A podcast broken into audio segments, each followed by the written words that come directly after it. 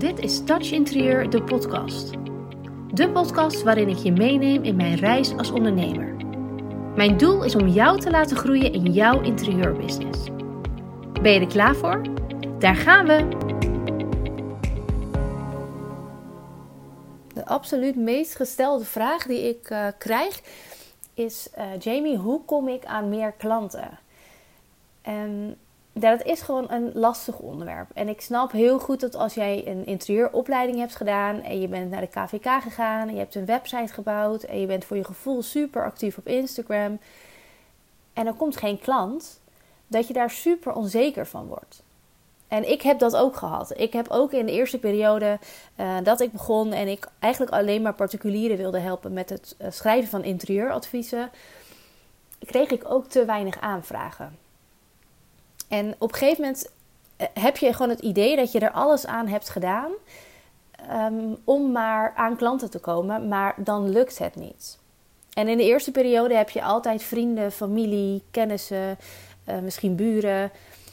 Die denken, oh wat leuk. En ze willen je heel graag supporten. Dus ze gaan jou helpen door um, nou ja, of een half advies af te nemen. Of te vragen of je even met ze mee wilt kijken. Maar dat is niet altijd helpen. Kijk, aan de ene kant is het zeker helpen, hè, want jij doet daar ervaring door op. Je, je kweekt daarmee dat je, jezelf, dat je meer vertrouwen in jezelf krijgt. Je kunt even gewoon oefenen zonder direct heel erg hard op je bek te gaan. Maar het brengt je ook een beetje in een ongemakkelijke positie. Want eh, hoeveel geld kun je daarvoor vragen? Uh, welk termijn um, spreek je af? Wat verwachten zij van jou? En weet je eigenlijk wel wat je voor jezelf verwacht? En daarna heb je natuurlijk nog die periode dat je die inner circle, dus de, dus de mensen die dicht bij je staan, die heb je wel gehad. En die heb je allemaal geholpen, hartstikke leuk. Misschien heb je goede reviews aan overgehouden. En dan? Want dan is het natuurlijk het moment dat jij, nou ja, een soort van op eigen benen moet gaan staan. En uh, de, de wijde wereld in moet gaan. En dat jij voor het eerst een uh, onbekende klant kan gaan helpen. En dan zijn er heel veel theorieën over hoe je aan klanten kunt komen. Er zijn heel veel mensen die gewoon uh, een beetje de schijn ophouden dat het super goed gaat en daarmee meer vertrouwen gaan wekken door andere klanten aan te gaan trekken. Maar de vraag is: wat kun jij er zelf aan doen om klanten uh, bij jou binnen te halen? En wat kun jij vanuit jezelf, uh, terwijl jij gewoon achter je bureau zit en een werkdag volmaakt, wat kun jij doen om die klanten te gaan benaderen? Want er zijn ontzettend veel interieurstylisten, ontwerpers, designers die binnen twee jaar weer stoppen met hun eigen onderneming. En als je dan vraagt waar dat aan ligt, is dat 9 van de 10 keer het feit dat ze niet voldoende klanten hadden. En zij kunnen zich daar dan dus ook bij neerleggen. Hè? Het is niet gelukt. Of um, ik, ja, er kwamen geen klanten, dus um, nou, er was geen vraag naar. Of um, nou, ik moest er zoveel tijd en energie in steken. Ik ben een loondienstbaan gaan zoeken. En dat is allemaal oké, okay, zolang je daar zelf oké mee bent. Maar je kunt niet zeggen dat je er alles aan hebt gedaan als je er niet daadwerkelijk alles aan hebt gedaan. Want de periode dat jij een website live gooide en een Instagram-account had en dat klanten jou gingen bellen of je alsjeblieft bij ze langs wilde komen. Ja, ik heb geen idee of en wanneer die periode ooit komt. Maar um, ja, zo sta ik er niet echt in. En er zijn wel ontzettend veel dingen die jij zelf kunt gaan doen. Om zelf actief uh, jouw bedrijf zo in te richten dat jij die klanten kunt gaan benaderen. Dat jij ze kunt vinden en dat zij zich ook aangetrokken voelen tot jou. En ik ga je in deze podcast vijf tips geven waarmee jij vandaag nog aan de slag kan om uh, die klant waarmee je het allerliefst wil samenwerken naar jou toe te laten komen. En die te kunnen vinden, die te kunnen benaderen en die uiteindelijk iets te laten kopen bij jou. En een van die tips is: bepaal wie je wilt helpen. Weet je eigenlijk wie je het allerliefste wilt helpen? En dan bedoel ik niet vrouwen tussen de 30 en de 50. Of uh, ja, mensen uit het dorp. Of um, ja, die nieuwbouwwijk daar verderop. Ja, lijkt me wel leuk. Nee, echt zo specifiek mogelijk. Wie wil je helpen? Je kunt er namelijk niet voor iedereen zijn.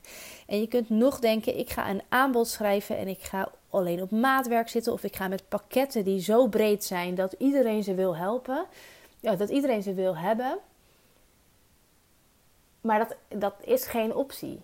Want op het moment dat jij iedereen aan wilt spreken, spreek je dus eigenlijk niemand aan. als jij, ehm, stel je voor dat je op een markt gaat staan en je hebt uh, appels. En je roept appels te koop, appels te koop, wie wil er appels kopen? Nou, dan waarschijnlijk kijkt hier niemand om. Tenzij iemand echt een geen appel, dat is iets voor mij. Maar waarschijnlijk voelt niemand zich daartoe aangetrokken. Terwijl als jij zegt, ik heb speciale appels voor vrouwen met blond haar en een bril. Dan denken al die vrouwen met blond haar en een bril die daar lopen, hé, hey, is, is dat iets bijzonders of zo? Is dat een appel speciaal voor mij? Eh, hoezo met blond haar en een bril? Dat ben ik, ze bedoelt mij. En dat is wat je uiteindelijk wilt gaan creëren. Dus als jij heel even diep naar jezelf kijkt en denkt: waar word ik het allergelukkigst van? Wie wil ik het allerliefst helpen? Ehm, met wie wil ik het liefst samenwerken? Want uiteindelijk ga je wel gewoon een samenwerkingsperiode aan. Dan is dat aan jou wie jij wil helpen. En pas als je weet wie je aan wil spreken, kun je daar dus een analyse op loslaten. En dan komen we bij tip 2. Onderzoek waarmee je die potentiële klant kunt gaan helpen. Wat is het probleem voor diegene wat jij kunt oplossen? Dus stel jij wilt um, vrouwen helpen um, die net een kindje hebben gekregen en die vinden dat ze te veel troep in huis hebben door al die kinderen. Die hebben uh, allemaal al die speelgoed en een box en al, dit, al die kindertroepjes. Nou, daar worden ze helemaal gek van. Dan is hun probleem dat ze hun ruimte niet efficiënt hebben ingedeeld. Of dat ze niet voldoende opbergruimte hebben. Of dat het gewoon één complete chaos is daar. Ze rust en, en sfeer in huis willen gaan creëren. Dus als jij dan zegt, ik kan je helpen met je interieur, voelen ze zich niet aangesproken. Maar als jij zegt, ik kan je helpen met het creëren van rust, sfeer, eenheid, efficiëntie. En uh, ik kan zorgen dat je al die troep niet meer in je, in je zicht hebt dan denkt die vrouw misschien: hé, hey, dat is inderdaad, nou, ik heb haar nodig. Dat is wat ik nodig heb. Zij, ik heb haar nodig om mijn problemen op te kunnen lossen. Dus één, bepaal wie je wilt helpen.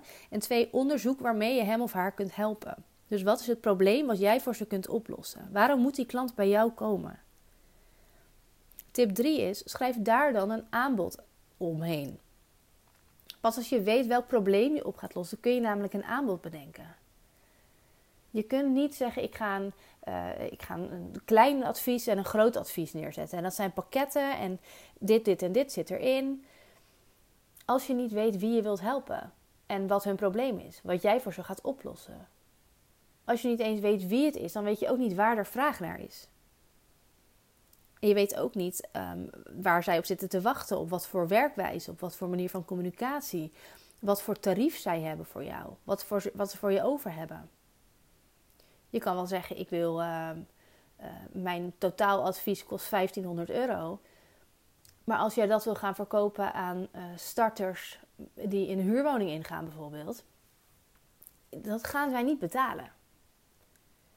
Dus dat onderzoek naar wie jij uh, wil helpen, maar ook waar je ze kunt vinden, wat ze kunnen betalen, wat ze willen betalen en welk probleem je voor ze op kunt lossen. Pas daarna kun je eigenlijk een sterk aanbod neer gaan zetten. En daarna kun je ook eens gaan kijken, tip 4, waar je die klant kunt vinden. Vind je die online? Op welk social media platform kun je die vinden? Als jij kijkt naar uh, jonge mensen, die vind je vaker op Instagram, waarbij de oudere generatie toch iets meer op Facebook zit. Heb jij een zakelijke klant, dan is misschien LinkedIn weer een platform voor jou. Dus zoek uit waar je jouw ideale klant kunt vinden. En dat kan dus online zijn, maar ook offline. Is het bijvoorbeeld een type vrouw die je altijd vindt bij de yogaschool in het dorp? Of ehm, is het een vrouw die uh, als moeder langs de lijn staat bij voetbal op zaterdagochtend? Kijk ook eens waar je die persoon offline kunt vinden. Want misschien liggen daar wel hele grote kansen. Um, laatste tip: get in touch. Ga de interactie met die mensen aan. Dus krijg je een nieuwe volger op Instagram, stuur eventjes een korte DM. En dat mag absoluut een berichtje zijn um, wat je in een notitie hebt staan, wat je copy-paste naar de DM met haar. Maar stuur even een berichtje. Hey, goh, wat leuk dat je me volgt. Op dit account kun je dit en dit verwachten. Uh, mocht er iets zijn wat ik voor je kan doen, weet me te vinden. Ik vind het super gezellig als je een berichtje stuurt.